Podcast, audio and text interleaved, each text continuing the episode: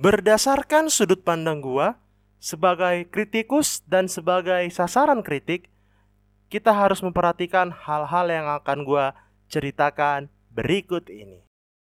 To trodo to to to to trodo to to to to to to to to to to to to to Welcome back. Selamat datang kembali di podcast kesayangan kita semua podcast. Biasa saja udah. Bersama gua di sini Sam Sialagan, teman ngebacot kalian semua. Dan beberapa waktu ini gua mendapatkan banyak kritik, saran dan masukan. Thank you so much. Terima kasih banyak atas kritik dan masukannya. Dan itu benar-benar bermanfaat untuk mengembangkan tempat ataupun sarana gua untuk ngebacot ini dan Semoga semoga aja menjadi sarana kalian untuk menemukan sudut pandang baru tentang berbagai hal dalam kehidupan sekitar. Dan jujur aja gue bilang kritik itu menjadi penting dan menyenangkan karena bisa membawa manfaat bagi gue pribadi. Sayangnya, tidak selamanya kita bisa menghadapi kritik itu dengan tepat. Artinya, kadang kritik itu justru menjadi hal yang menakutkan atau justru menjadi sebuah gangguan. Misalkan ketika kita mendapatkan kritik kita selalu ataupun kita kadang mengatakan dalam hati kita, apaan sih? Ini apa anda ngomong mulu, kritik mulu nggak ada solusinya gitu. Nah untuk menjawab pertanyaan-pertanyaan itu dan mana tahu pembahasan ini bermanfaat, gue akan bahas tentang apa itu kritik. Oke, kawan-kawanku semua, kawan-kawan gua semua. Jadi kita akan memulai pembahasan kita tentang apa itu yang namanya kritik. Um, kita mulai dari mana ya? Uh, Oke, okay. kritik ini bisa dikatakan sebagai suatu upaya untuk mengembangkan diri. Karena pada dasarnya manusia itu tidak ada yang sempurna. Karena kesempurnaan itu hanya milik yang maha kuasa. Jadi kita manusia tidak luput dari berbagai kesalahan yang bisa saja membuat kita terlihat tidak begitu baik atau justru malah bisa merugikan diri kita sendiri atau merugikan orang lain. Nah, kritik itu bisa didefinisikan sebagai sebuah analisa atau evaluasi untuk meningkatkan pemahaman dan memperbaiki apa yang kita lakukan dalam kehidupan kita sehari-hari. Dan kritik itu selalu hadir dalam kehidupan kita, mulai dari dalam keluarga, di antara kehidupan pertemanan kita, sekolah, tempat kerja, dan lain-lain. Kritik itu seperti sebuah hal yang menempel terus di dalam kehidupan kita dan kita tidak akan pernah lepas dari yang namanya kritik. Kritik ini sendiri menjadi sebuah sarana untuk menyempurnakan. Artinya kritik ini menjadi sebuah proses untuk menganalisa ataupun mengevaluasi seperti yang telah gue sebutkan sebelumnya tentang apa yang telah kita lakukan dengan tujuannya supaya kita bisa meningkatkan pemahaman dan semakin mampu mengerjakan hal-hal yang kita lakukan dengan semakin baik. Dan yang perlu kita ketahui adalah sebenarnya kritik itu bukanlah sesuatu yang mudah untuk dilakukan. Artinya tidak semua orang memiliki kemampuan untuk memberi kritik.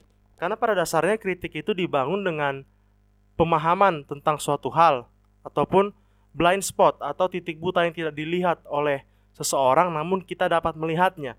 Itulah yang menjadi dasar dari bagaimana kita memberikan kritik terhadap suatu hal. Dan kritik itu mempunyai cara gitu loh. Artinya kritik itu bukanlah sesuatu yang asal aja kita sampaikan. Kritik itu bukanlah caci maki. Kita harus bedakan mana tuh caci maki, mana menyindir, mana yang cuma bisa menyinyir dan mana yang kritik. Karena kritik itu pasti ada caranya, pasti orang yang memberikan kritik itu sudah melakukan analisis, melakukan analisa, terlepas apakah itu mendalam atau tidak, dia pasti melakukan sebuah analisa. Dan yang pastinya kritik itu merupakan sebuah pemahaman yang diberikan dan terlihat tujuannya itu untuk memperbaiki apa yang dikritiknya itu.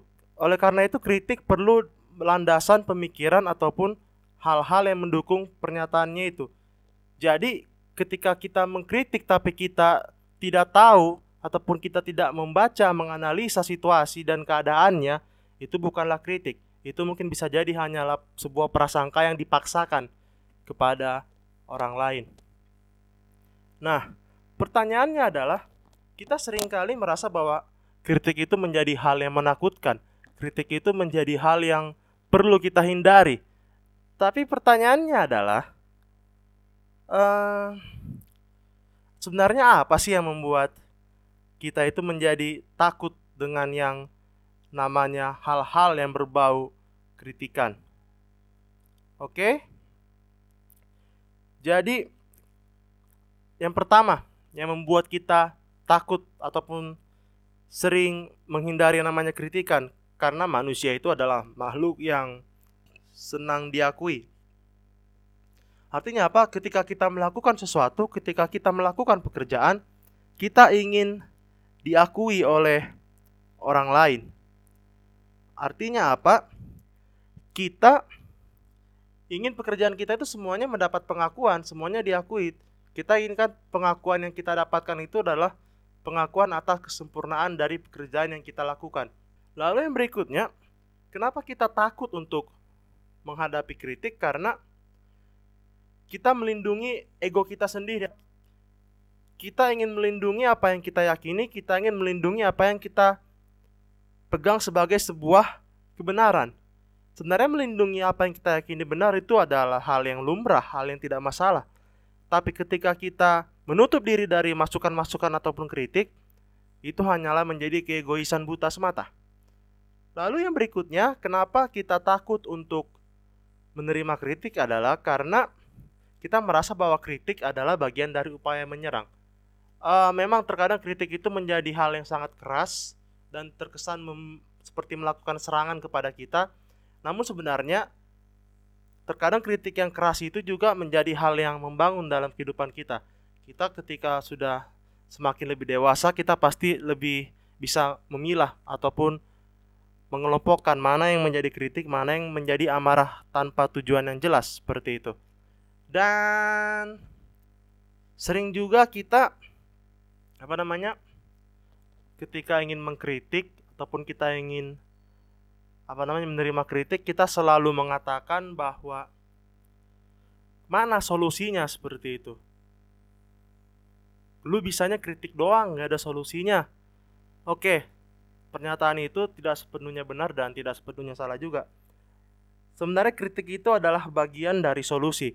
Jadi gimana caranya lu mau menemukan solusi dari sebuah permasalahan ketika lu tidak menemukan permasalahan yang dimaksud? Artinya apa? Kritik ini menjadi sebuah cara untuk menunjukkan di mana kesalahan ataupun hal-hal keliru ataupun beberapa hal yang harus diperbaiki. Tujuannya adalah supaya kita bisa melakukan pekerjaan kita dengan lebih baik. Nah, kritik ini menjadi fondasi dalam menemukan solusi. Artinya, melalui kritik ini kita bisa pelan-pelan untuk menarik apa namanya bukan menarik sih, mencari benang merah dari masalah yang kita hadapi gitu loh. Solusi itu hadir ketika kita bisa mengolah kritik yang kita dapatkan dan melakukan refleksi terhadap apa yang sudah kita kerjakan sebelumnya. Oleh karena itu, kritik ini menjadi bagian dari sebuah solusi. Dan sebenarnya apabila kita menerima kritik, sebenarnya yang menjadi pihak yang harus menemukan solusi itu ataupun memutuskan solusi bukanlah orang yang memberi kritik, tapi kita sendiri. Karena apa? Kita yang menjalankan sebuah pekerjaan atau kita yang menjalankan hal-hal yang kita anggap sebagai sebuah kebenaran. Oleh karena itu, kita tidak perlu memaksa orang lain untuk mengambil tanggung jawab terhadap hal-hal yang kita yakini dan hal-hal yang kita kerjakan. Se -se Seperti itulah singkatnya. Dan itulah yang perlu kita apa namanya kita ingat ataupun kita renungkan bersama-sama. Nah, jadi ketika kita sudah memahami hal-hal tersebut, kita perlu membagi pemahaman ataupun mengelompokkan bagaimana kita harus menyikapi kritik. Yang pertama itu dari sisi orang yang memberi kritik dan orang yang menerima kritik. Kalau dari sisi orang yang memberi kritik, seperti yang tadi gue bilang pada bagian sebelumnya bahwa kita itu mengkritik harus dengan dasar yang kuat, dengan analisa yang kuat. Dan kita juga harus mengkritik untuk membantu orang yang kita kritik itu dalam menemukan solusi. Artinya kita tidak mendiktekan solusi tersebut. Menurut gue lebih baik kita memberikan sudut pandang ataupun pola berpikir supaya orang tersebut bisa menemukan solusinya karena orang tersebutlah yang paling paham tentang apa yang dia kerjakan. Lalu yang paling penting adalah ketika kita memberi kritik, kita harus bisa mengendalikan emosi kita. Karena apa? Ketika kita memberi kritik, namun kita tidak mengendalikan emosi kita, sangat mungkin, sangat mungkin hanya akan menjadi umpatan, cacian, makian, nyinyiran, dan sejenisnya. Lalu, untuk orang yang menerima kritik, apa yang perlu kita lakukan? Yang pertama, tetap tenang. Karena ketika kita tidak tenang, kita tidak akan bisa secara jernih menyerap apa yang uh, diberikan orang lain kepada kita. Lalu yang berikutnya kita harus menenangkan diri sembari membedakan kritik. Orang yang memberi kritik dan orang yang menerima kritik harus mampu membedakan mana itu kritik, mana itu yang hanya sekedar apa namanya nyinyiran sekedar cacian gak jelas cacian emosi kita harus bisa tenang dan membedakannya lalu yang berikutnya jangan merasa kita tuh rendah ketika kita dikritik ini berkaitan juga dengan bagian sebelumnya ketika gue cerita tentang kepercayaan diri tidak perlu merasa minder ketika kita mendapatkan banyak kritik, banyak masukan. Artinya justru orang peduli terhadap apa yang kita kerjakan dan apa yang kita kerjakan itu penting dan menarik bagi orang lain. Oleh karena itu, proud to be yourself gitu loh. Kita harus bangga dengan diri kita. Aku harus bangga dengan diriku.